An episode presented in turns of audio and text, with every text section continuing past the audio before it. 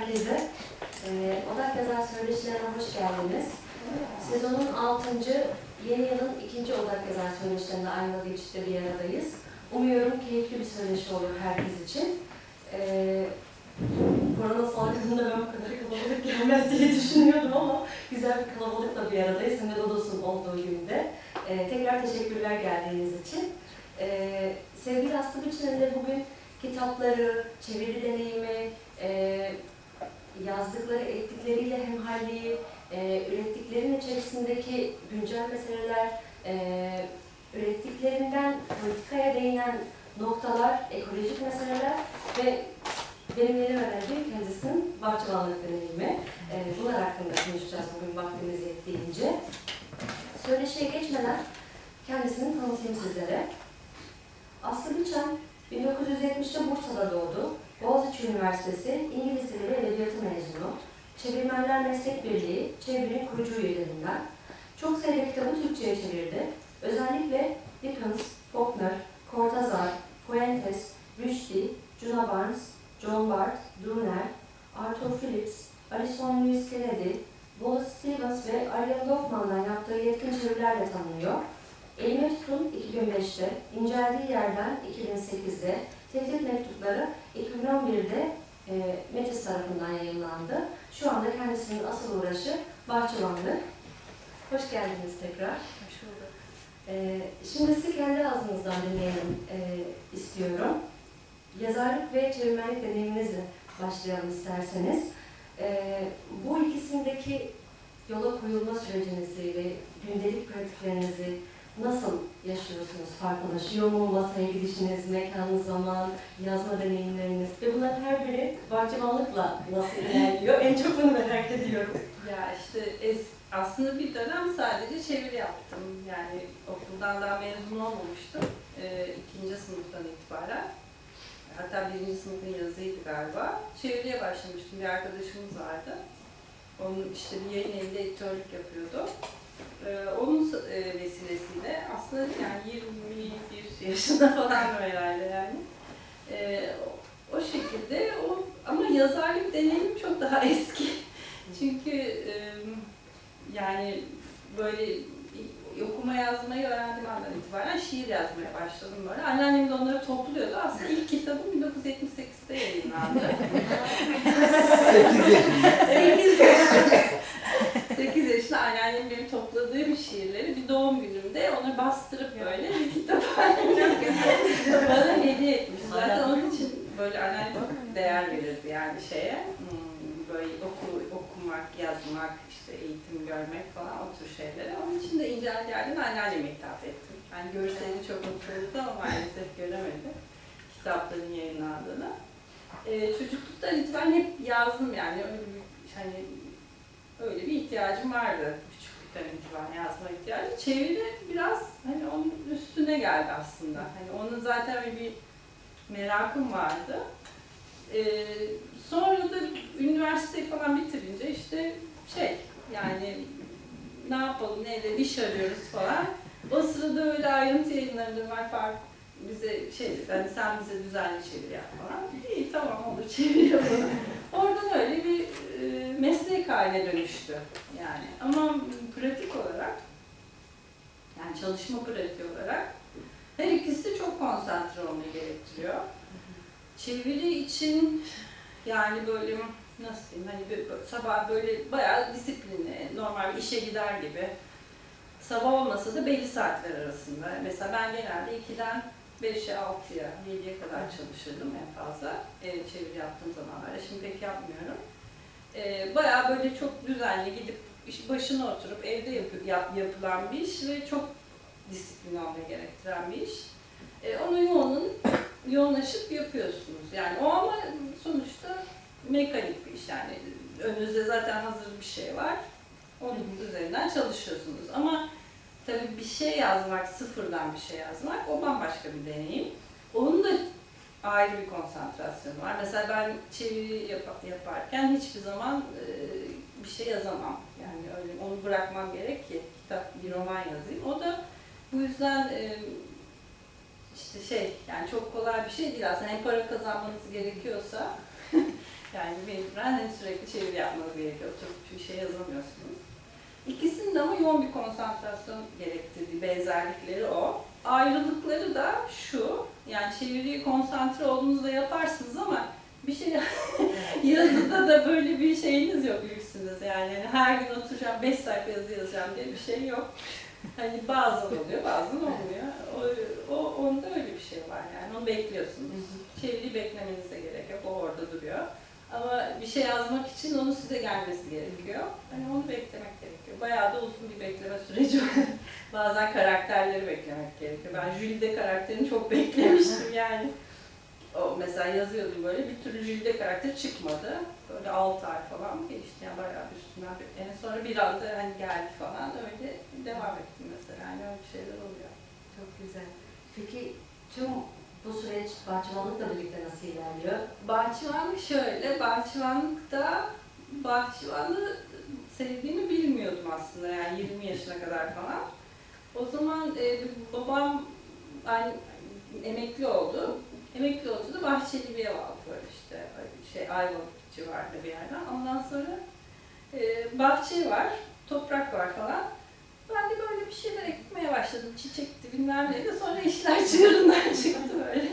Ee, ve hani hayatta en sevdiğim şey kesinlikle o. Hani yazmak, çeviri hiçbiri değil yani. şey, bahçe. Babam hatta böyle dalga geçiyordu böyle küçük bahçeli bir ev var. Sen ikinci kat çıkacaksın falan diye böyle bir şey. Ee, bahçıvanlık da işte 20 yaşından itibaren olabildiği kadar yani bulabildiğimiz her yerde. İşte bir sürü Ayvalık'ta yaşadık. Hep böyle bahçeli evlerde oturduk kiralık. Onların bahçelerini mutlaka ektim yani her zaman. İşte sonra bir süre e, yine İstanbul'a geldik. İstanbul'da böyle yine bir bahçesi olan bir şey arayıp bulmaya çalıştık. Evde daima böyle 100 tane kaktüs falan. Hani böyle tümüyle aslında öyle bir yön vardı. Şimdi büyük bir bahçe ve yani tamamen artık yani istediğim her şeyi ekebiliyorum öyle bir şey.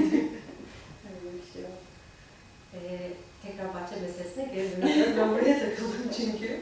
Ee, çok heyecanlanıyorum bunları konuşurken. Ee, metinlerinize geri döndüğümüzde e, yazar konumunuzdan inşa ettiğiniz karakterlere mesafeniz nasıl? Ee, hatta sadece karakterler üzerinden sormayayım da onları yapmak ettiklerini de buna dahil edebilirim. Tepkiniz, e, kötü bir şey oluyor, öfkeleniyorsunuz ve bunu yazarken nerede kendinizi durduruyorsunuz veya sonrasında siz kendiniz ne hissediyorsunuz o karakteri, o karakterin yapıp ettikleriyle birlikte ya da en öfkelendiğiniz karakter gibi de sorabilirim bunu.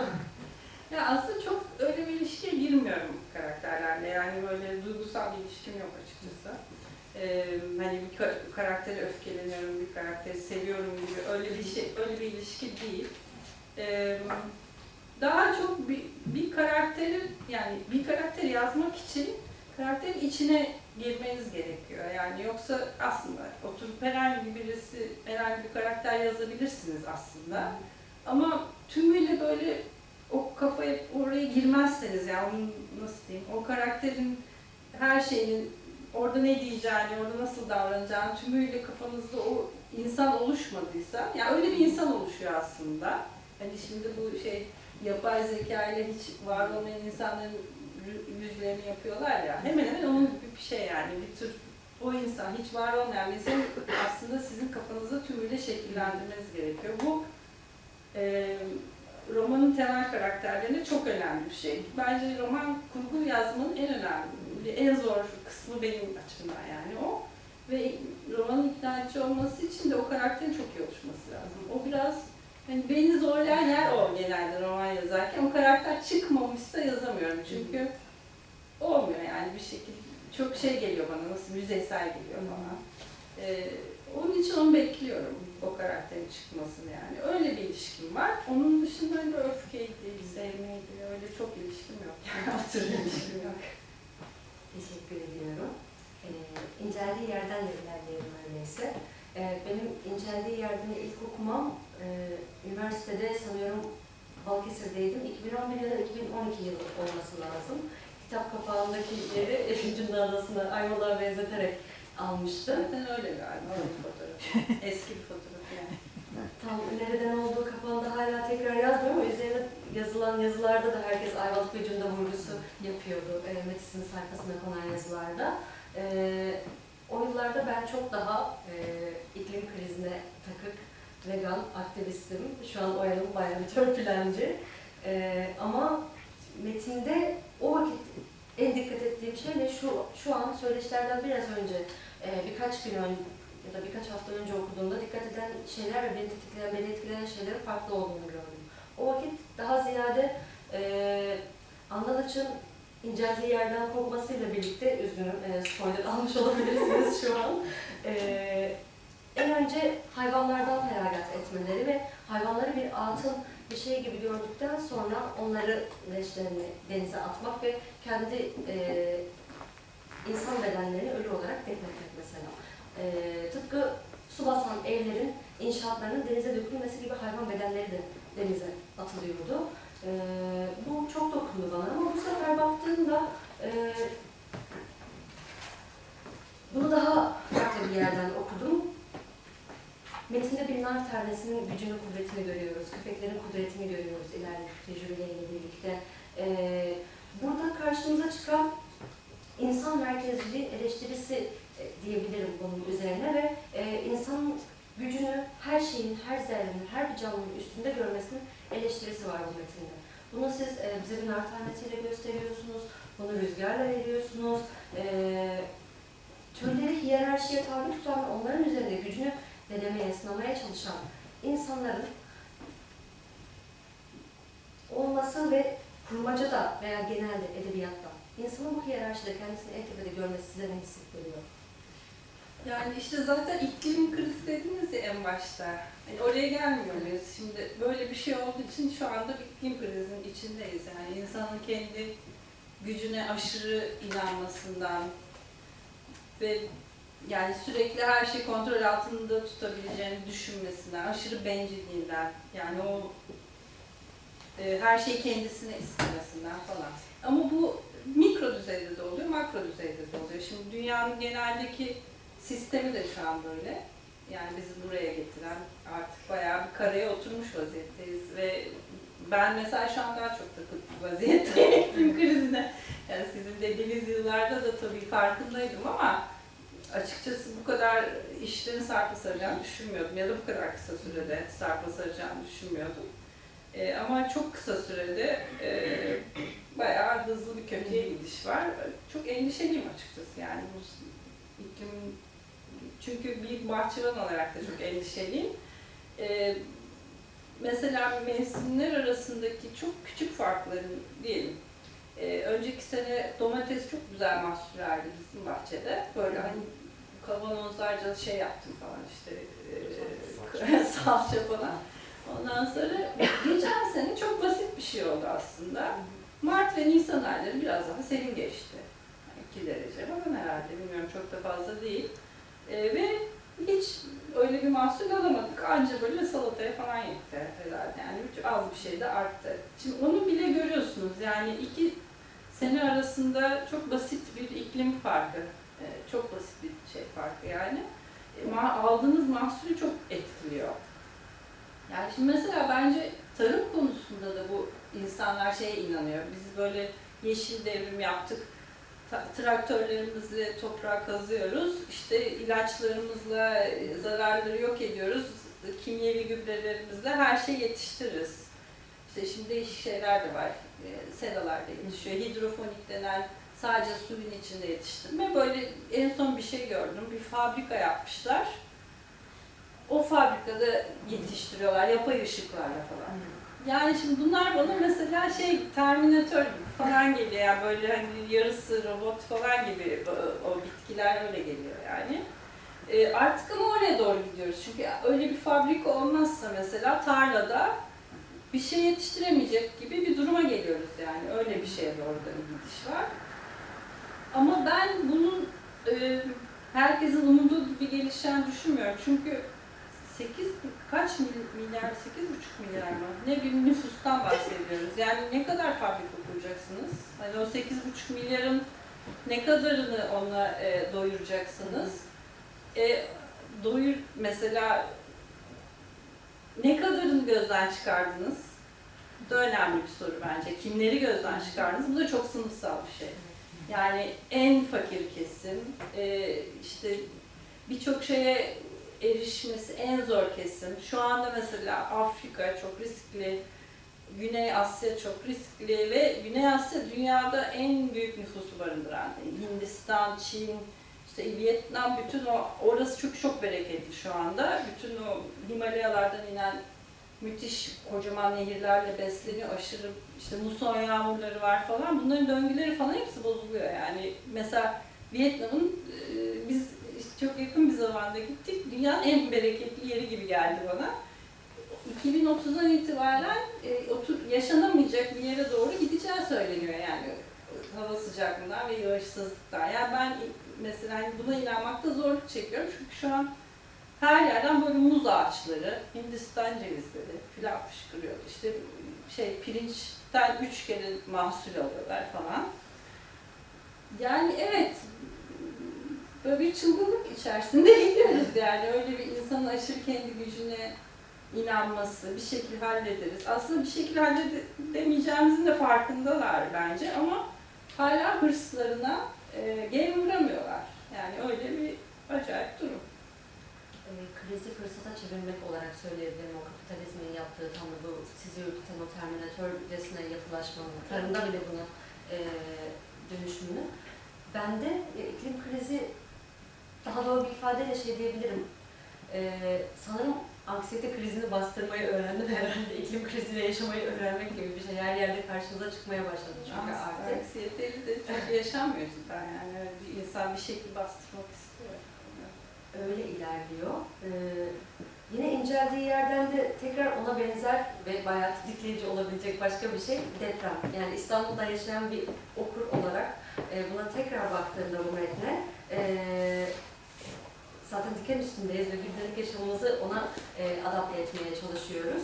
Anadolu için de karadan kopmasının fantastikliğine haliyle deprem bekleyen bir okur olarak gözüm görmedi. Ama zaten buradaki fantastiklik de ilerledikçe bir fantastik anlatı olmadığını göreceksiniz e, ya da gördünüz çoktan ve Türkiye gibi bir yerde her türlü beklenmedik şeyin ve musibetin başımıza gelebileceği bir yerde yaşadığımızdan e, bu metin fantastikten ziyade pekala e, gerçekliğin paralelinde kurulmuş bir şey olarak karşımıza çıkıyor.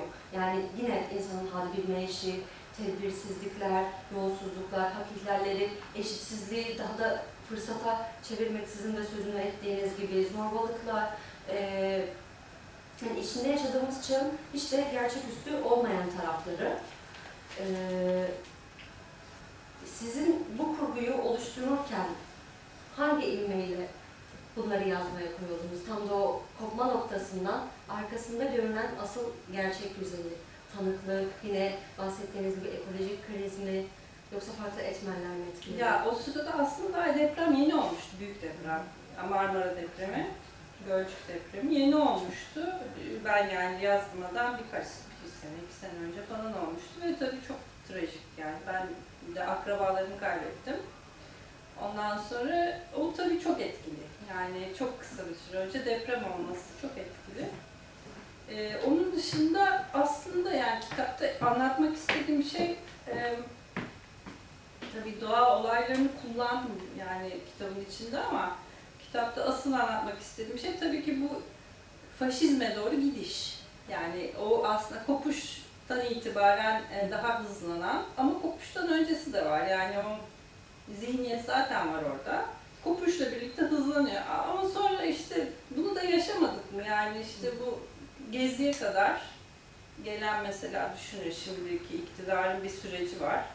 Geziden sonra aslında gezi bir kopuş gibi düşünebiliriz ya adamın e, şeyin kopması, Andaliç'in kopması gibi düşünün. E, ve oradan sonra hızlanan bir baskı var mesela. Aslında aynı mantık.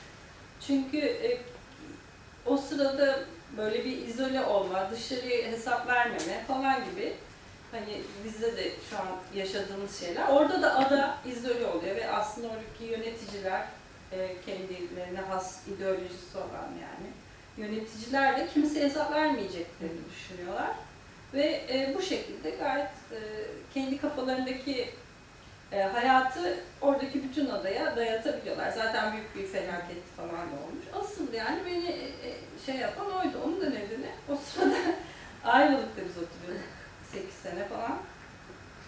Ayvalık'ta oturduk. Ayvalık'ın da bir tane belediye başkanı vardı. Ondan sonra bu belediye başkanı O hoparlör. hoparlörlerden falan. Mesela şöyle bir şey anlatayım size. Biz e, Galatasaray'ın şampiyon, UEFA şampiyonu olduğu zaman hatırlıyor musunuz? İşte neyse herkes sokaklara döküldü böyle. Kaç senesiydi acaba? 2000, 2000'di galiba. Şu ne zamandı? 2000. 17 Mayıs 2000. E, Ayvalık'ta da yani şampiyon Hayır. oldu. Bütün Ayvalık sokağa döküldü böyle kutlama falan. Biz de Tuncay'la çıktık. Yani biz Galatasaray değiliz ama sonuçta memleketimizin bir takım çıktık böyle sokağa falan. Sonra e, bir baktık şimdi çok gürültü var. Herkes korna çalıyor, kutluyor bilmem ne. Hoparlörden böyle bir ses geliyor. Tuncay'a diyorum ki ne bu ya diyorum şey me- mevlüt mü okunuyor. Neymiş biliyor musunuz? Şey ahd etmiş belediye başkanı o sıradaki. Ee, dua okuyor. Yani çıkış Kur'an okuyor. Yani eğer Galatasaray şampiyon olursa ben Kur'an okuyacağım. Belediye başkanı kendisi açmış Kur'an okuyor. Şimdi ama bu, bu sadece bu değil yani. Mesela sürekli e, şey vardı. E, o hoparlörlerin cidden kullanımı vardı. Yani bu benim uydurduğum bir şey değil. Biz buna sürekli maruz kalıyorduk işte. Sürekli işte akşam, cuma akşamları mı? Evet. Önce şey çalıyor. Türkiye'm, Türkiye'm cennetim, benim eşsiz milletim. Onun üzerine İstiklal Marşı. Bütün Ayvalık böyle hazır. yani sokaktaysanız hazır oldu olmak zorundasınız. Yani yürüseniz çok hani dayakta yiyebilirsiniz. Hani öyle bir şey. Ee, aslında yani odur. O atmosfer. Hani o içinde olduğumuz, bizzat yaşadığımız ama tabii bu bu hikayedeki kadar e, yoğun bir şekilde olması da sürekli yani kendini hissettiren e, böyle bir belediye başkanı senelerce seçildi Ayvalık'ta her adaylığını koyduğunda ve bu adam şey e, komando kamplarında falan eğitim görmüş. İşte mesela Ayvalık'ta böyle şey söylenirdi. İşte annesini sokakta çatal batırmış falan böyle bir böyle bir insan yani kendisi. Hani oradan çıktı da yani 8 sene maruz kalınca bir şekil çıkıyor. Yazarak attı. Her türlü sağ olsun yolunda yazarak, bahçeye yönelerek, daha fazla çalışarak. Hoparlörleri bilebiliyorum, tahmin edebiliyorum. Ben de Amasyalıyım, Bartın Amasya ve çok etkin bir şekilde kullanılıyor. Çok hoparlör kullanımı var. Bizim köyde bile şu an biraz var kısmi. Yani o kadar olması. Buradan bir kurgu çıkmasın ayrıca. Güzel olmuş. Ya o çünkü bir şeyin iktidar sesi yani Evet, o evet. hoparlörler o tabii çok yani simge olarak bariz zaten de. Şöyle kitabı da göstereyim. Hoparlörler. Hoparlörler. Ee, tekrar inceldiği yerden de ilerleyelim o zaman. Hatta bu izlek tehdit mektuplarında da karşımıza çıkıyor. Ee, rüzgara değinmek istiyorum e, bu sefer. Hatta bugün de Lodos'ta bir araya geldik. Tam da isabet oldu. Evet. yani üç metninizde de e, Poyraz, Lodos, Karayel sıkça karşımıza çıkıyor ve Rüzgar anlatıyı yönlendiriyor. E, olmayan şeyleri gösteriyor, henüz kimsenin fark etmediği, görünmeyen şeyi görünür kılıyor. E, tabiri caizse madalyonun öbür yüzünü gösteriyor bize. Ama bir yandan da e, bu bir metafor olarak değil, anlatının anında tıpkı bugün yaşamlarımızı etkileyen e, bir varoluş, bir oluş gibi metinde de bir karakter gibi yer alıyor diyebilirim ben rahatlıkla Rüzgar için. Çünkü oradaki ne bir metafor ne de e, anın atmosferini ve e, oranın mekanını göstermek için ya da doğa olayını ya da doğanın o günkü hava durumunu göstermek için kullandığınız bir şey değil gibi geliyor bana. Ve e, bunu da az önce işaret ettiğim işte narın kudreti, köpeklerin e, gücü gibi insanın merkezde olmadığını yine gösteren bir özellik olarak karşımızda. Sizin için rüzgar nerede duruyor? Yani ben şu an az buçuk tahmin ediyorum. Ee, İstanbul'da yaşamadığınızda yeni öğrendim şu an. İstanbul'da yaşamıyoruz ama ben asıl bu çocukluğumdan kalma bir şey. Çünkü Bursa'da Lodos'un çok büyük bir kuvveti vardır yani benim çocukluğumdan itibaren. Ee, Lodos esmediği zamanlarda şimdi tabii doğal gaz var. çok hava kirliliği o kadar yok. Gerçi şimdi galiba yeni yeni biraz daha hava kirlenmeye başladı. Yani bahsedilmeye başladı. Bursa'da da bayağı kirli. O zaman kömür yakılıyordu şeyde, hmm, apartmanlarda doğalgaz yoktu ve Bursa'da müthiş bir hava kirliliği vardı. Yani nefes falan alamazsınız, camları açıp havalandıramazsınız. Yürürken böyle buradan hani şöyle bir yanma falan hissedersiniz. Ee, ama Lodos estiğinde tabii Bursa'nın bütün havası temizlenirdi. Lodos da meşhurdu bu arada. Yani çok kuvvetli Lodos fırtınaları olurdu. Hani şimdi de bazen oluyor ya. Böyle kiremitler uçar, damlar şey yapar, bir şeyler devrilir falan. Kuvvetli bir arkasında muhtemelen Uludağ olduğu için. E, Lodos herhalde orada bir daha güçlü bir şey oluyordu. O aslında o var yani. Şimdi tesadüf. Yani oturduğumuz yerde de hiçbir yerde dünyanın lodosu olmasa bile bizim orada olabiliyor. Böyle garip bir boğaz gibi bir yerdeyiz yani. Ama onun da dışında daha önemlisi yani. e, ben böyle bütün yaz tatillerini deniz kıyısında geçirdim. E, Gemli, Kumla diye böyle küçük bir yeri vardı. Bursa'da işte dedem de benim çok böyle denize meraklı bir insandı ve bir kayığımız vardı. Asıl rüzgar deniz için önemli, denizciler için önemli bir şeydir. Yoksa karada olanlar için o kadar önemli bir şey değil. En fazla işte eser, şey belki, kiremit, falan uçurur ama denizciler için bayağı hayat memat meselesi. Ben de böyle kısmi bir denizci, küçük tekne kaptanı falan sayılırım yani. Ee, orada yani rüzgarlar evet, orada güçlü bir ilişkimiz olmak zorunda. Yani hayatta kalmak için de olmak zorunda.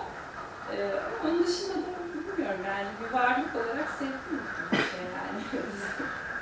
Teşekkür ederim. Ee, yani sizin kaleminizden rüzgarı gördüğümde bu böyle basitçe o günün Poyraz'ı ya da o gün bir lodos esiyor ve onu duyumsuyorsunuz da aktarıyorsunuz gibi gelmiyordu. Ee, hakikaten çocukluğunuzdan e, ve bu vakte kadar olan deneyimlerinizden e, onun farkındalığını görmek mutlu etti beni şahsen ki ben de çocukluğumda benzer bir deneyimden geldiğim için belki de dikkat kesildim orada anlattıklarınıza özellikle. Rüzgar da dikkat kesildi. Çok şey uçuyormuş. Hmm, İnceldiği yerlere dair son sorunu sorayım öyleyse. Ee, inceldiği yerden de gazeteci Muzaffer, e, gazeteciliğin, gazeteciliğin tehlikeli yanını jürideye anlatırken bununla ilgili e, uzun bir bölüm var. E, insanın asıl bitirenin aldığı tehditlerle yaşamının etkilenişi, sonlanışı, yani kişinin ölümü değil de gazetecilikte kendisine otosansür uygulaması e, olduğunu söylüyor. Bir yazar olarak siz otosansür konusunda yani sadece kurmaca metin üzerinden değil de e, gazete duvarda da yazılarınız var artık, farklı mecralarda da yazıyorsunuz. E, otosansüre dair siz neler düşünüyorsunuz? Yani tabii bahçe yazısı yazınca tane domates konusunda Ama tabii şimdi aslında şu an e, çok sadece otosansür değil bayağı bayağı sansür de var. Hatta yani medyanın bir kısmı tümüyle ele geçirilmiş durumda. Ama bizim gündelik hayatımızı etkileyen şey tabii ki medyanın yaptığı sansür. Yani medyaya yapılan sansür, kendileri yaptığı otosansür birçok şeyin insanların büyük çoğunluğuna ulaşmaması. Ya basında ben otosansür bayağı ciddi sorun olarak görüyorum. Onu söyleyeyim.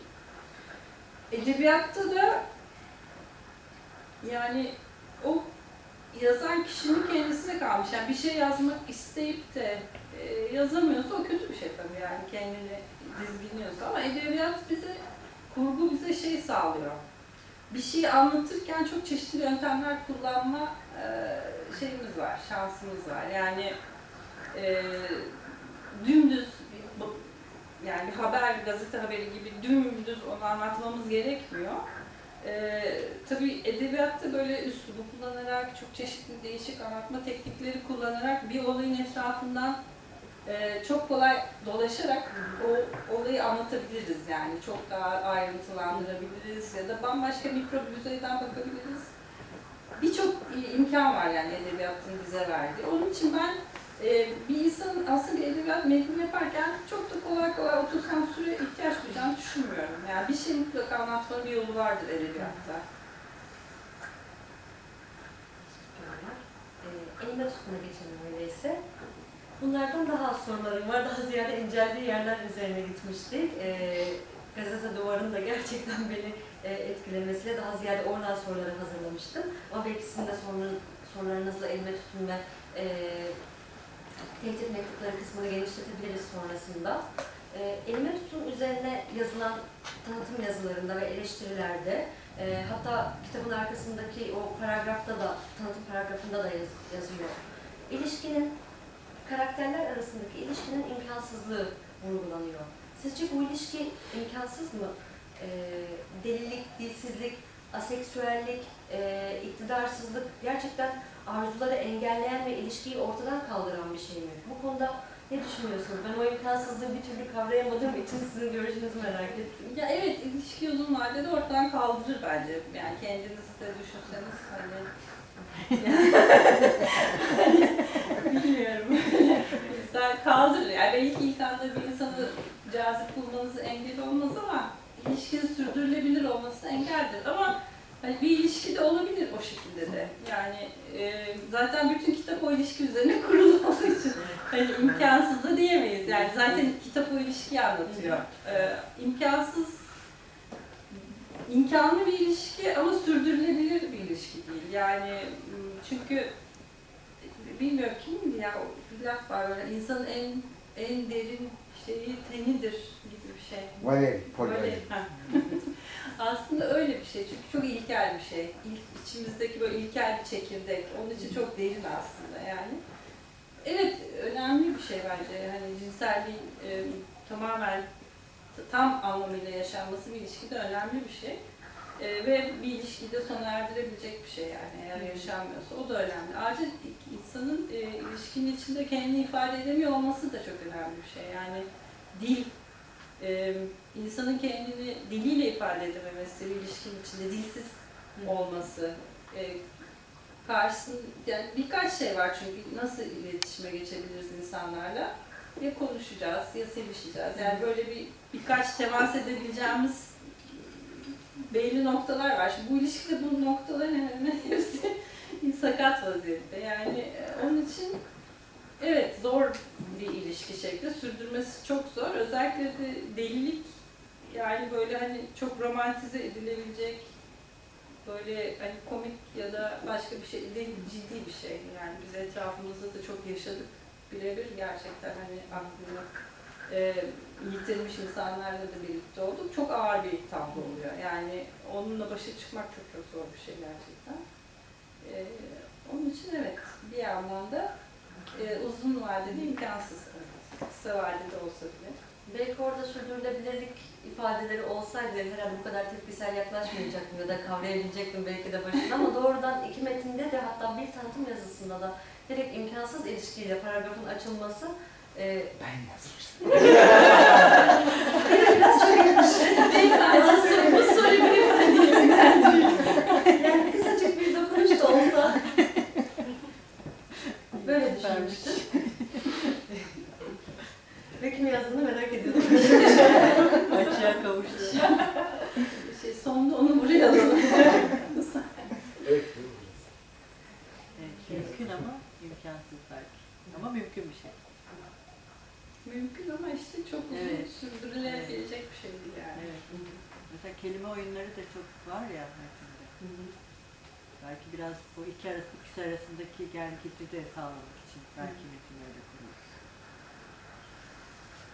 Elime tuttuğumda yine e, dikkat ettiğim, dikkat kesin diyeyim. Siz karakterlere mesafelisiniz ama ben e, oradaki erkek karakterden pek haz etmedim. E, çünkü çok dikizci birisi. E, gerçekten bakışları işte vapurda, e, şehre adımlarken e, gözlerini dikiyor diğer kadınların üzerine ve anlatıcı konumundayken diğer kadına anlatıyor e, bunları. Israrlı takip diyebiliriz yani bu erkek karakterin yaptığına. Ve bu girişimlerinden de ağzının payını alıyor bu arada. Hani eli kolu sallayarak kurmaca devam etmiyor. Onun için burada teşekkür ederim gerçekten e, bu kurgu için.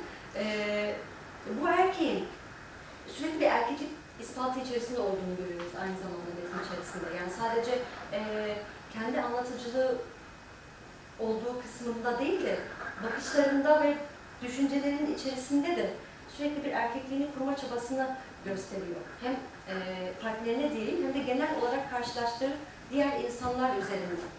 Siz bu karakteri erkeklikler spektrumunda geniş bir yerde nerede görüyorsunuz? Nasıl konumlanıyor için? Yani çok zaman geçti. Açıkçası ben kitap okumayalı da yani bilmiyorum. Şey, en son ne zaman yayınlandığı zaman okumuştum. 13, se- 12 mi konuşmuştuk? 12 sene mi oldu? 2005. Evet, 2005, 15 sene mi olmuş? Bravo. 15 sene olduğu için bu karakteri yani çok derinlemesine hatırlamadığımı söyleyebilirim. Ama e, benim bende böyle bir izlenim yok. Yani şöyle bir şey, ben bu karakteri çok yalnız bir karakter olarak hatırlıyorum. E, çok e, kendini eksik hisseden bir karakter olarak hatırlıyorum. Ve insanlarla çok kolay ilişki kuramayan, o yüzden insanları seyretmek zorunda kalan. Yani aslında biraz böyle toplum dışında ve toplumu izleyen bir karakter olarak hatırlıyorum. Ee, böyle pek hani erkek bir karakter gibi de düşünmüyorum. Aslında biraz belki bir romancı gibi de olabilir. Bir romancı da. Ben de mesela insanları çok seyrederim yani. Bilmiyorum rahatsız ediyor muyum ama e, konuşmalarına kulak kabartırım falan. Mesela çok severim böyle insanlar böyle birbirleri hararetli konuşup dinlerim falan. E, eğlenceli oluyor genelde yani. E, bu bir gözlem şeyi aslında yani yöntemi. Özellikle de yalnız bir insan için pek de aslında insanlarla ilişki kurmasının pek bir e, imkanı olmayan insanlar için de başka çare yok yani toplumun içinde seyredici konumunda kalıyor. Evet evet. Yani e, burada daha ziyade dikkat ettiğim yer e, bir transa e, bakışların dikmesi noktasıydı. Bir de sanırım bir kadın daha vardı. E, onlardan ağzının payını alıyor zaten onlara bakışlarına diktiği için neden bakıyorsunuz şeklinde. E, diğer yerlerde olanlar vapurdaki gözlemlerini aktarıyor. Genelde zaten vapur içerisindeki e, sahneleri aktardığını görüyoruz karakterin. Hani doğrudan insanlara yönelip onları diğerlerinde olduğu gibi tacizkar bakışlarla değil de daha ziyade bu söylediklerim bu iki karakter e, iki kişiyle yaşadıkları üzerineydi daha ziyade. O yüzden onun da yanlış anlaşılmasını istemem. E, demek ki meraklı ve bir karakterimiz varmış diye de bu Karakterimi savunuyorum. Karakterime laf söyletmem. Böyle bir şey oldu. Tehdit mektuplarına geçelim isterseniz şimdi. Ee, tehdit mektupları da ağır bir atmosferi olan, ağır politik, hatta hala şu an bizim gündelik yaşamımızda çok paralel giden bir metin, ee, zorlanarak okunabilecek bir metin bu bağlamda. Hatta şeyden fark edebilirsiniz yine Metis'in sayfasına girdiğinizde. Ee, üzerine en çok yazılan, hatta kitap yeniden baskıya girdiğinde ee, tekrar tekrar yazılan kitabın tehdit mektupları olduğunu göreceksiniz ve her biri tamamen bizim Türkiye'de gündelik yaşamda nelerle karşılaşıyoruz, ee, bunlarla nasıl paralel düşünebilir şeklinde ilerliyor buradaki yazılarda. Ee, tehdit mektuplarında Bahattin Perver oğlu Cihan'a yazdığı mektupların birinde tarih yazımına eleştiriyor. Yazma biçiminin ahlaklı oluşa, e, başarıya ve kahramanlığa odaklandığını ileri sürüyor bu mektubunda ve yaşlanınca e, ya da kişinin ölünce e, arkasında onu memnun edecek bir tarihin yazıldığına dikkat çekiyor mektubunda. O tarihlerin ve kahramanın hep e, o tarihi yazan kişi olduğunu değiniyor. Oysa oğluna yazdığı mektuplarında kendi oluşturduğu öz anlatısında kişisel tarihinin uçan, utanç dolu yanlarına değiniyor ve yaşananların kendi yaşadıklarını utanç dolu yanlarıyla e, yazmak istediğine değiniyor. Öz anlatısına utanç hikayeleri diyor hatta Bahattin bunların üzerine. Hakikati geç de olsa, e, geç de olsa oğluyla paylaşmak ve e, öz belleğinin, belleğinin vicdan azabının ağırlığı altında ezilmekten kendini kurtarmak için bunları yazdığını dile getiriyor. E, Bahattin bir yandan da tarih yazımının içerdiği çelişkilere, taraflılığa, tutarsızlığına dikkat çekiyor. Bu noktadan hareketle sizin içinde yaşadığımız dünyadan, e, tarihsel bakış açısından yansıtılan, bu belleğe işaret eden veya yaşadığımız gerçekliği tasla mahluken, hatta edebiyat gibi alternatif başka dünyaları e, kuran, böyle kurmaca dünyalardaki tarihsel olayları yazma deneyimi eee, bir yazar olarak nereye tekabül ediyor? Sizin edebiyatınızı kurarken bu tarihsel perspektif ve tarihselliğe bakış açısı, açınız nerede kalıyor? Yani şimdi tabii o tarihi biz yaşadık yani birebir olmasa da çocuk olduğum için yani mesela darbe aslında tabii darbe öncesinde de iyice küçük bir çocuktum. Darbe olduğunda da 10 yaşında falandım yani. Ee, yani böyle hani amacım tarihi bir roman yazmak falan da tarihi anlatmak değil yani bir ım, tarih sadece bir arka plan. Aslında orada bir trajedi var. O da bayağı aslında eski bir tarz bir trajedi yani. Ee, kadim bir trajedi formu böyle işte aile içi şeyler hani çok kadimdir ya hmm, trajediler. Ee, orada sadece aslında tarih bir arka plan. Mesela hani şimdi yaşadığımız birçok şeyde bizim e, gündelik hayatımızda nasıl arka planında böyle aslında şu an tarih akıyor yani bizim arka planımızda da. Ee, mesela ileride de belki 20 sene geçtikten sonra yine bu neoliberalizmin dünyayı hale getirdiğini falan konuşacağız. Yani biz mesela darbenin etkilerini şimdi konuşabiliyoruz rahatça ama o sırada yaşadığımız sırada yani e, tabii biliyorduk yani ne olup ne bittiğini ama bizim ne kadar travmatize olduğumuzu çok anlamıyorduk mesela. Şimdi de o bence bir 10 sene sonra falan şu an ne kadar travmatize olduğumuzu daha iyi anlayacağız. Ben de ya o tarihin o kitapta bulması neden o travmadır aslında. Yani hepimize yaşatılan e, o sırada biz çocuklara ve daha başka büyük insanlara yaşatılan o travma ve e, yani böyle özel, mesela ben böyle pek tarih okuyan bir insan çok sevmem çünkü yani o şey olarak biraz uzak bulurum. O yüzden de tarih yazmak istemedim yani öyle diyeyim. Yani beni ilgilendiren bu romanda da asıl mesele o tarih değildi. O anlatılan tarih sadece insanların içinde yaşadığı hepimizin etkilendiği bir şey olarak yani nasıl bu ülkenin bir parçası e, olarak benim ilgimi çekiyor yani. Bu- Bu ülkenin ve hepimizin geçmişlerinin bir parçası olarak. Peki e, oradaki belleği ve travmayı aktarırken kendinizi korumayı e, yaşadığınız olaylardan da yola çıkarak bunu oluşturduğunuzu söylüyorsunuz. E, ya da tanıklık e, olmasa da okuduklarınızdan ya da tarih anlatılarından bildiğimiz bir şekilde ağır olayların kaleme alınması gibi düşünebiliriz bunu. Yani o, o, o şöyle şimdi tabii benim yaşım o kadar hani o bütün o travmaları yaşayacak yaşta değildim. Ee, sonra ama darbeden sonra tabii işte o sırada yavaş yavaş aklım ermeye başladı ve 90'lı yıllara doğru da işte üniversiteye falan başladığım zaman tabii ki birçok şeyi çok üstü örtülü olduğu halde, çok baskılandığı halde duyuyordum. Yani hani o zaman çok rahat yazılamıyordu, çok rahat konuşulamıyordu ama e, birçok şey biliyorduk yani. E, ve tabii o şekilde biraz dolaylı bir şekilde etkilendim. Ama sonra kitabı yazmak istediğimde yani bu, buraya yerleştirmek istediğimde, bu tarihe kitabı yerleştirmek istediğimde e, kütüphanelere gidip özellikle işte o, o 78 e, yıl olması lazım. 78 yılının gazeteleri okudum. Yani bayağı bir böyle araştırma yaptım. Gittim gazeteleri okudum. Her gün gün ve gün neler oluyor. Yani ne olaylar olmuş. Mesela böyle şey var. İnsanların e, şey ölüm o mesela çok çarpıcı gelmişti bana. Günde böyle 20-30 kişi ölüyor birbirlerini insanlar öldürüyor. Farklı iki e, grup yani. Herkes öldürüyor. Şu kadar haber oluyor. Şöyle işte toplamda mı 30 kişi falan ölmüş yani günde. Şöyle haber oluyor. Yani minicik artık o kadar kanıksanmış ki. Hani şimdi mesela şu anda da onu şu şeyde yaşıyoruz. Şehit birkaç şehit deyip geçiştiriliyor ya hani orada yaşıyoruz. Sayı. Tabii tabii sayı mesela ama birisi geçen ay e, ölen askerlerin sayısını söyledi. Ben şoka girdim. Bayağı çok. Kaç? 15 kişi ölmüş sanırım değil mi? Ama bunu böyle bilmiyoruz. Yani hani böyle geçiştiriliyor. Çünkü bu rakamlar çok fazlalaşınca işte biraz insanların tabii kendini koruma mekanizmaları devreye giriyor ama daha da çok hükümetlerin kendini koruma mekanizmaları devreye giriyor. Ve e, önemsizleşiyor yani o ölümlerin hepsi, o oradaki yaşanan trajedilerin hepsi çok önemsizleşiyor. Ee, insanlar, bireyler görünmez oluyor. Yani böyle genel bütün bir genel büyük bir şeyin içinde o bireyler çok küçük kalıyor ve görünmez oluyor. Bu aslında yani tehdit, tehdit mektuplarında benim yapmaya çalıştığım şey o bir, bir üç bireyi hani oradaki görünmez olmuş ve bizim şimdi unuttuğumuz yani o, o zaman geçti, onlar eskide kaldı.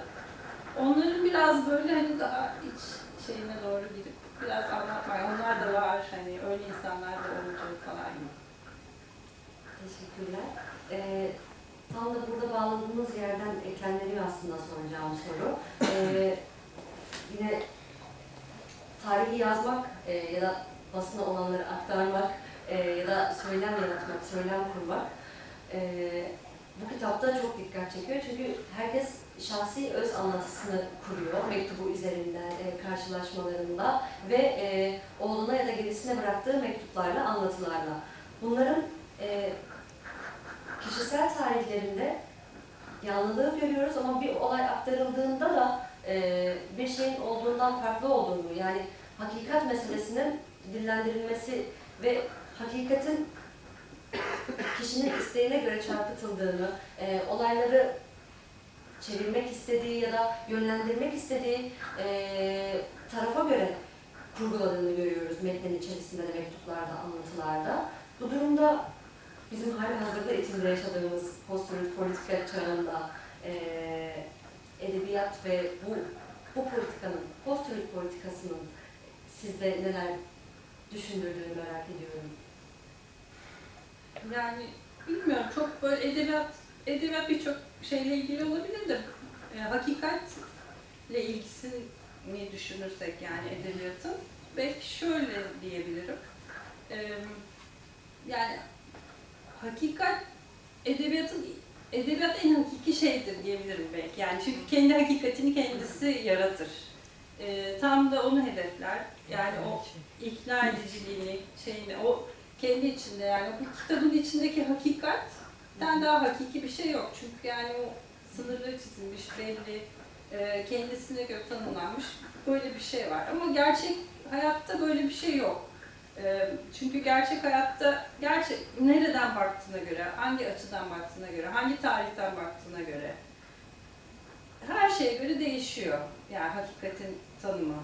E, tabii çok eski bir tartışma bu. Ben yani daha çok filozofların falan tartıştığı bir şey ve benim de çok e, açıkçası böyle kendimi tartışmaya ehil görmediğim bir şey ama e, roman roman zaten yani hakikatin te- kendisidir kurgu. Çünkü onu yapar zaten yani kendi kendine yapar. Kurgu adı üstüne onu kurar. O hakikati kurar yani. E, onun için de hani bir romana mesela şey gibi bakamayız hiçbir zaman. Ya uyduruk mu bu, yalan mı bu, şu mu bu? Yani öyle bir e, soru işaretle bakamayız. E, kendi hakikatini içerdiği için. Belki bunu diyebilirim. Teşekkür ederim. Ee, kafamda şey uyanıyor bir yandan da. Yani hem yazdıklarınız hem çevirileriniz hem de ee, bu ay içerisinde gazete duvarda yayınladığınız üç yazınızla birlikte. Ee, yani metnin kendine has, kendine ilişkin bir hakikati var. Ama bu hakikat bizim deneyimlemediğimiz hakikattan azade değil. Ee, yani Kur'an olarak ya da onu deneyimleyen insan olarak onun izlerini orada görmemiz mümkün. Ee, bu bizi farklı bir ilmeyle yazmaya itebilir. Bu otosansür uygulamaya itebilir. Bu bir şeyleri çok daha bas bas bağırarak söylemeye itebilir. Nitekim işte tehdit mektupları diğerlerine göre daha fazla eee, bu tarz tam da postürük politika çağının eee, bunu oluşturan etmenleri görebileceğimiz bir metin e, hali hazırda içeriğinden ötürü. Eee Onların yazılarınız da ben bundan çok bağımsız değil diye düşünüyorum. Çünkü orada dediniz ya domates anlatıyorum, orada işte bahçeciliği anlatıyorum. Aslında bir ilmeyle evet iklim kriziyle ve sizin yaşam deneyiminizle e, birleşen bir nokta var. Ve sizi bir şekilde belki şehrin kalabalığından, şehrin bastırılmışlığından, belki işte korona lanetinden, buna gibi pek çok musibetten koruyor. Buna karşı sizin deneyiminiz ve kendinizi e, farklı yere yönlendirmeniz duvar yazılarınız üzerinden bunu söylemek istiyorum. Yine postürlükle paralel gitti gibi oldu ama yani gazete duvar yazılarınıza siz bu içerisinde bulunduğumuz çağda hangi kalmışım? Ben nasıl, yani bayağıdır bir şey yazmıyordum aslında. Böyle çok içimden de gelmiyordu açıkçası yazmak. E, gazete duvardaki yazıları şöyle başladım. Belki yani onu anlatsam daha açıklayıcı olur. Ya böyle hep şey görüyorum. insanlarda müthiş bir umutsuzluk var. Yani her şey çok ağır. Böyle bütün koşullar işte malum hani yaşadığımız siyasi ortam çok ağır. işte iklim krizi ağır, virüs ağır, şu ağır. Yani hep böyle e, geli, hiç böyle baktığımız zaman bir çare göremiyoruz. Yani bir çözüm bulamıyoruz. Çözüm aradığımız her nokta tıkanıyor bir şekilde yani mevcut e, organize kötülük diyorlar ya ben kötülük demek istemiyorum çünkü bana yani kötülük doğru bir şey değil ama karşımızda çok organize bir güç olduğu da kesin yani orada ne diyelim organize güç kapitalizm mi diyeyim artık ne diyeyim hani kapitalizmin çok organize olduğu kesin ve karşısında ona itiraz eden her şeyi baskılamakta da artık yıllar içinde çok aşırı ustalaştığı ve artık baskılamak dışında da bir çaresi kalmadı çünkü her şey yok oluyor. Ee, kendini devam ettirmek için yani bizim bütün itirazlarımızı baskılamak zorunda.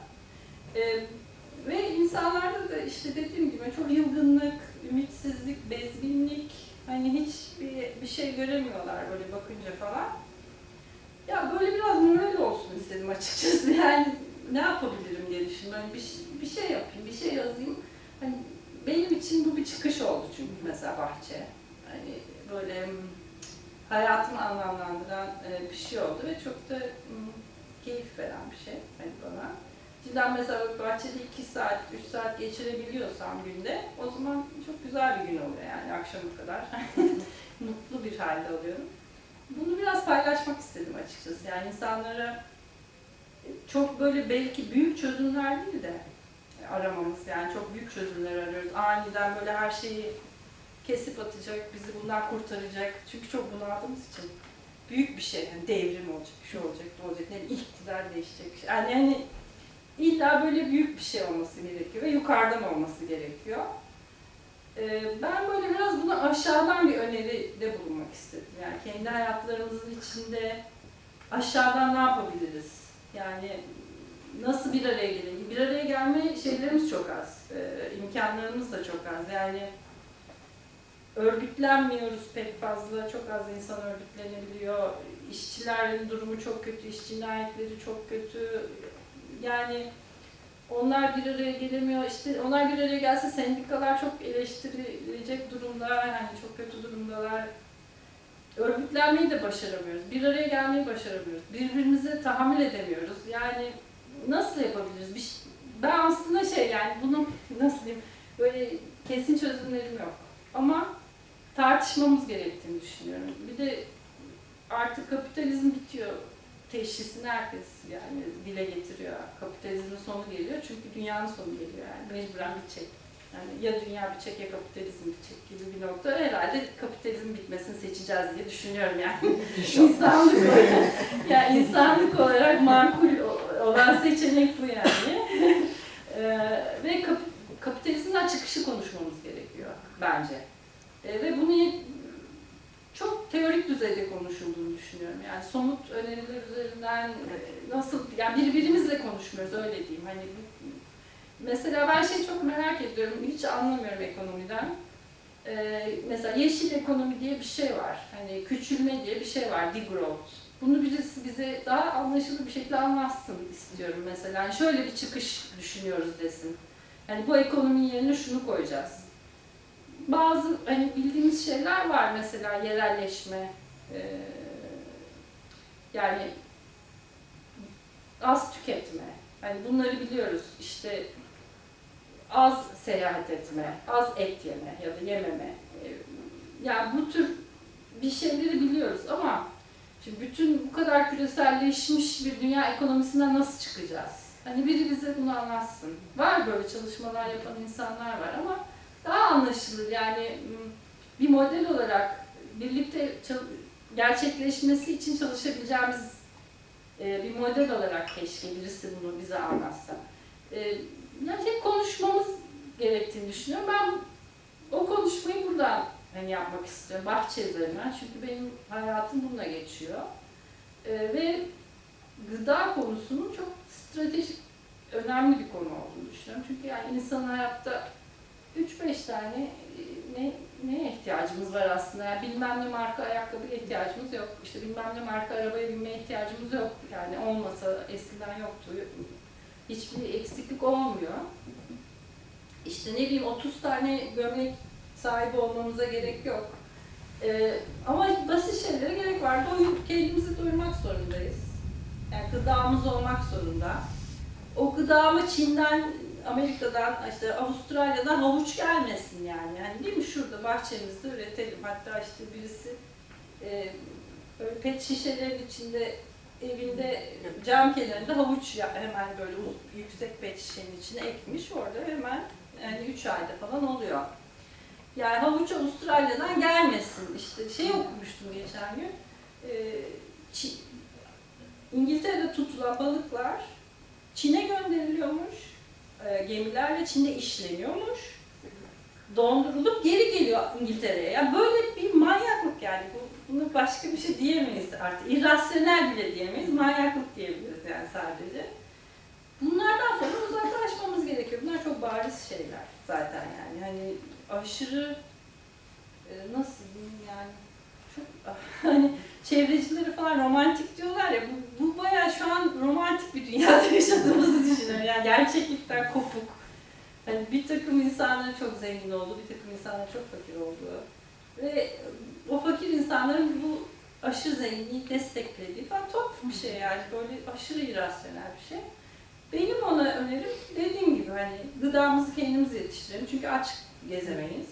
Onun dışında basit bir örgütlenmemiz olmalı. Yani bu bence insan gruplarının 18 milyon şeklinde bir arada yaşaması olmaz yani öyle bir şey yok. Zaten bu virüs çıkınca da bunun ne kadar acayip ve şey sonuçları olacağını gördük. Yani insan grupları 50 kişi, 100 kişi bilemedim hani bir kasaba ne kadar hani 10 bin kişi filan ne bileyim 20 bin kişi.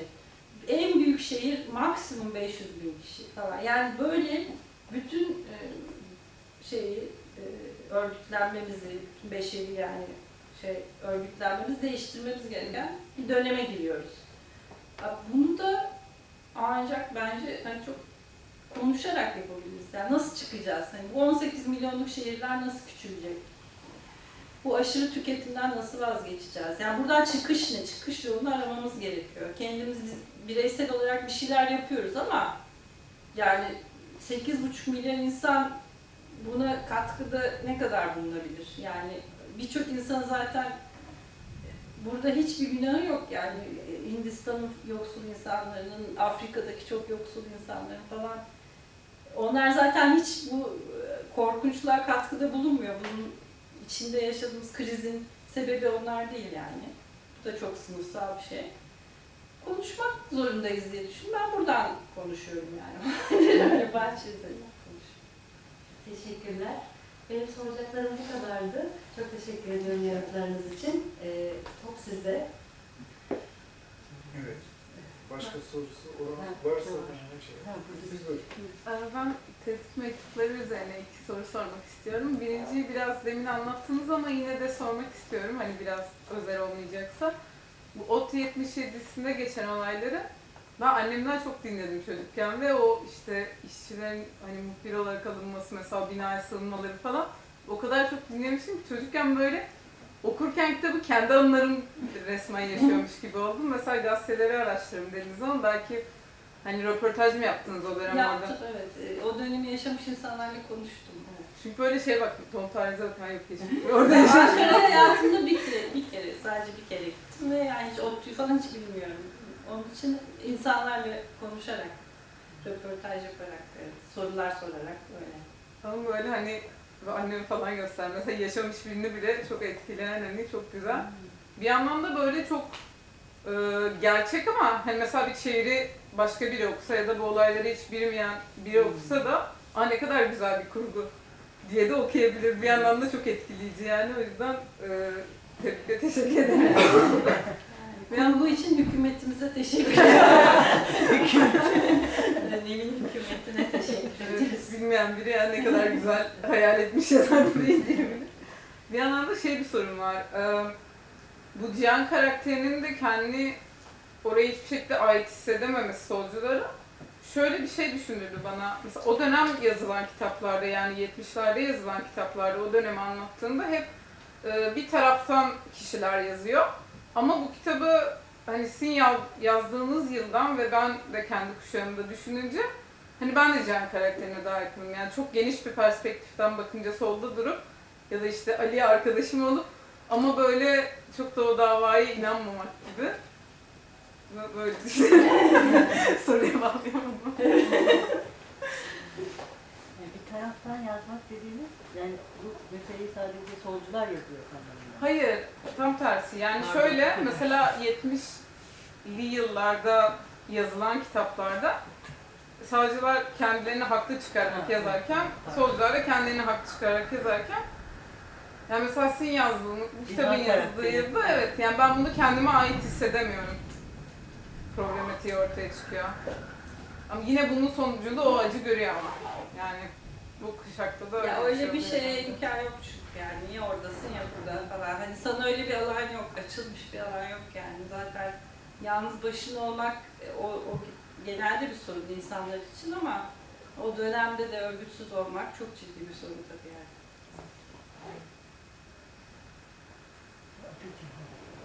Ben benim sorum olacaktı. Ee, şunu anladım. Tamam. Kitap çıktıktan sonra okumuyorsun. Bir daha hiç okumuyorsun.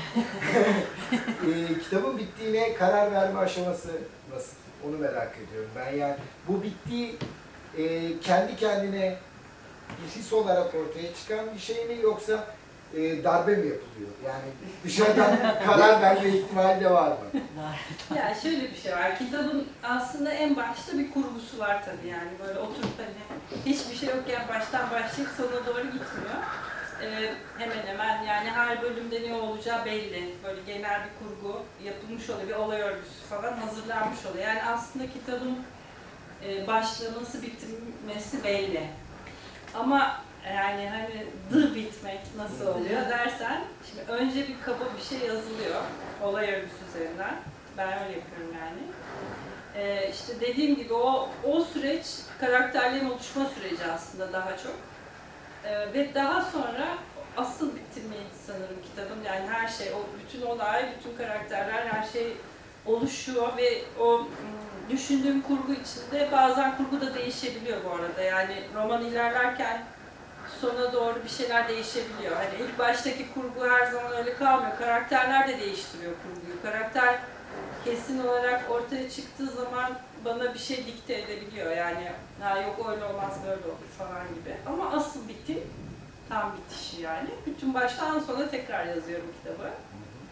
Ee, üslup falan da o zaman daha böyle hani ortaya çıkıyor ve ayrıca bir şeyler, son gözden kaçan şeyler, değişen şeyler falan ee, o sırada oluyor. O ikinci sefer yani tamamen baştan sona gittiğim zaman o zaman evet ha şimdi bitti oluyor yani.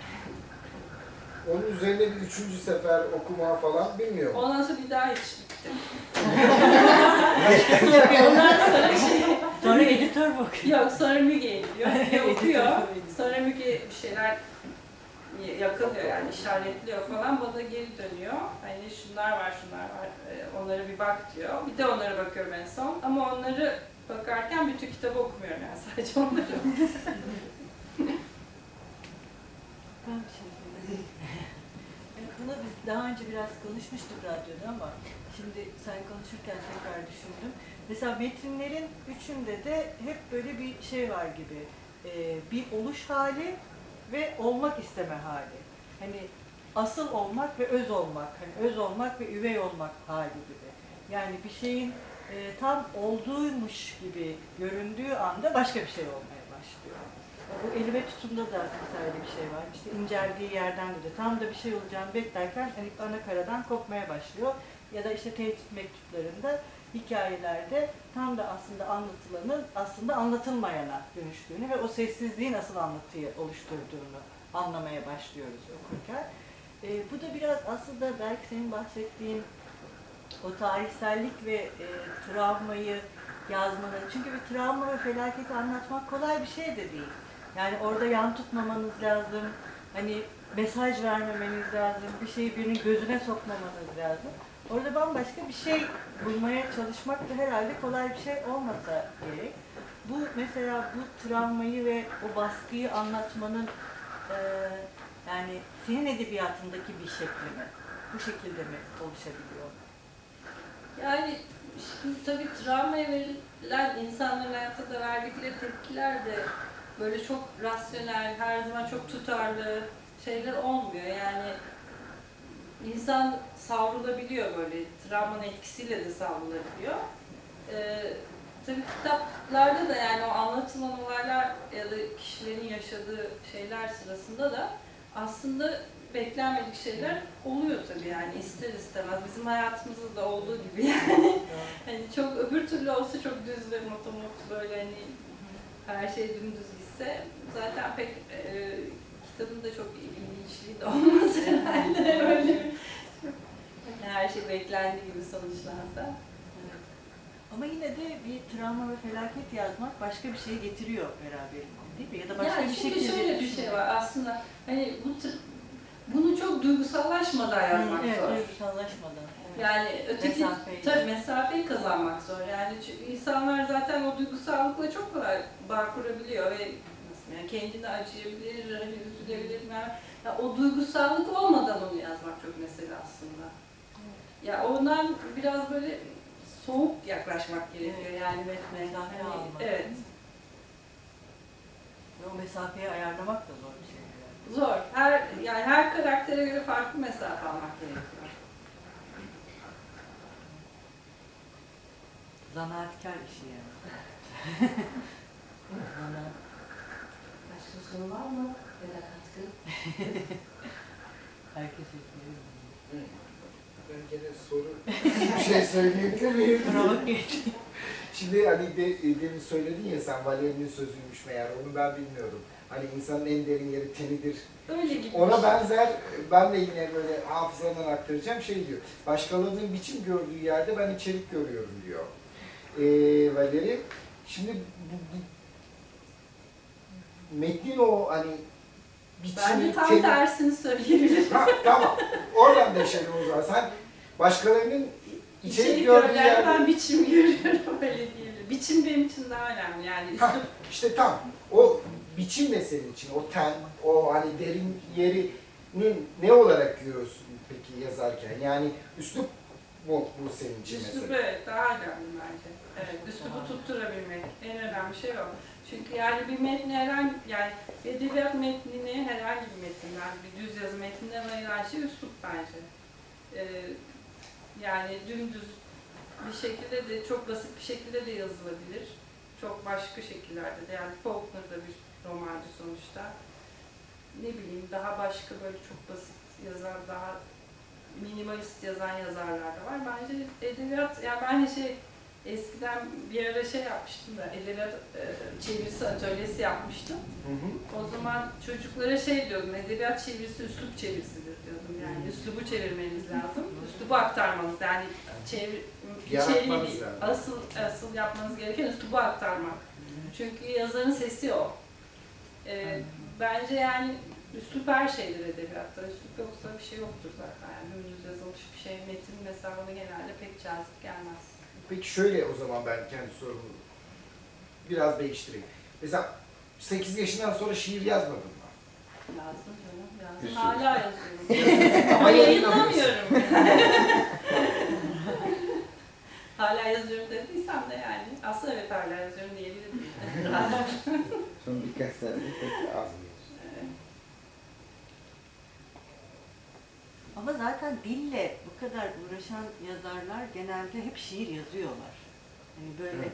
biraz böyle Bourdieu gibi düşünüp bunların bir trajektorisi, hani o üslup, nasıl bakmak, okumak beraberinde şeyi de getiriyor Ama galiba. şiir herhalde biraz ilkel bir şey bilmiyorum yani. Saf bir şey. Ben yani 7 yaşında niye şiir yazıyorum ki? Şiir okumuyordum yani. Hiç zannetmiyorum yani okuyup da yazdığım bir şey değil. İlkel bir yanı var bence. Yine o şey işte en derindeki çekirdek dediğimiz hani daha böyle o ya o ilkellik yani ilkelliği ben iyi bir şey olarak kullanıyorum. Hani güzel bir şey. yani. En derinde olan ve en eski e, kendi kökenlerimiz gibi neredeyse yani öyle bir şey olarak. Bence şiir de bir şekilde öyle. Çünkü ses Ses, Evet. var içinde yani öyle. Herhalde öyle. Ses. Var mı başka katkı veya soru? Ben şey sorayım sonra. Kapıya soruyorum. E, Peki mesela e, bu e, gazetede tekrar yazmaya başlamak, yazıyla başka bir şekilde iletişim kurmak, e, yeniden e, kurgu dünyasına dön- dönmeye bir adım olabilir mi? Yeni şeyler yazmayı e, Zaman gösterecek. veya benimle yani çünkü e, yani edebiyatla insanlarla paylaşmak ulaşmanın, iletişim kurmanın bir yolu ve hani bu kadar konuşmak, iletişim kurmak, örgütlenmek, bir araya gelmek, daha çok tartışabilmek için insanlara ilham vermenin de Ya bu bana aslında. böyle, işte aslında bu tür yazılarla edebiyat çok ayrı iki şey gibi geliyor bana yani. e, o başka bir şey. Edebiyat, ya gerçek, ben, benim benim deneyimimde edebiyat, e, ya kurgu yazmak aslında okuru düşünmeyen bir deneyim. Yani okur, okur olmasa da yapılan bir şey. Yani okur en son, benim yani düşündüğüm son kişi okur, öyle diyeyim. Hani onu yazarken. Ee, ama bu öyle değil. Bu sadece okurlar için yapılan bir şey. Yani bu biraz daha şey diyorum arada e, Tuğçe, sosyal sorumluluk yani biraz buna öyle yaklaşıyorum. Ama ötekinde mesela hiç okur olmasa da benim içimden geliyorsa ben bunu yazabilirim edebiyatta. Öyle bir yan var yani. Hiçbir okura da ulaşması gerekmiyor. Yani gel. On, onunla biriyle konuşmuyorum öyle. Yani böyle bir karşılıklık olması gerekmiyor. Tabii yayınlandığında ister istemez o sonradan oluşuyor ama e, ilk çıkışında öyle bir şey yok yani.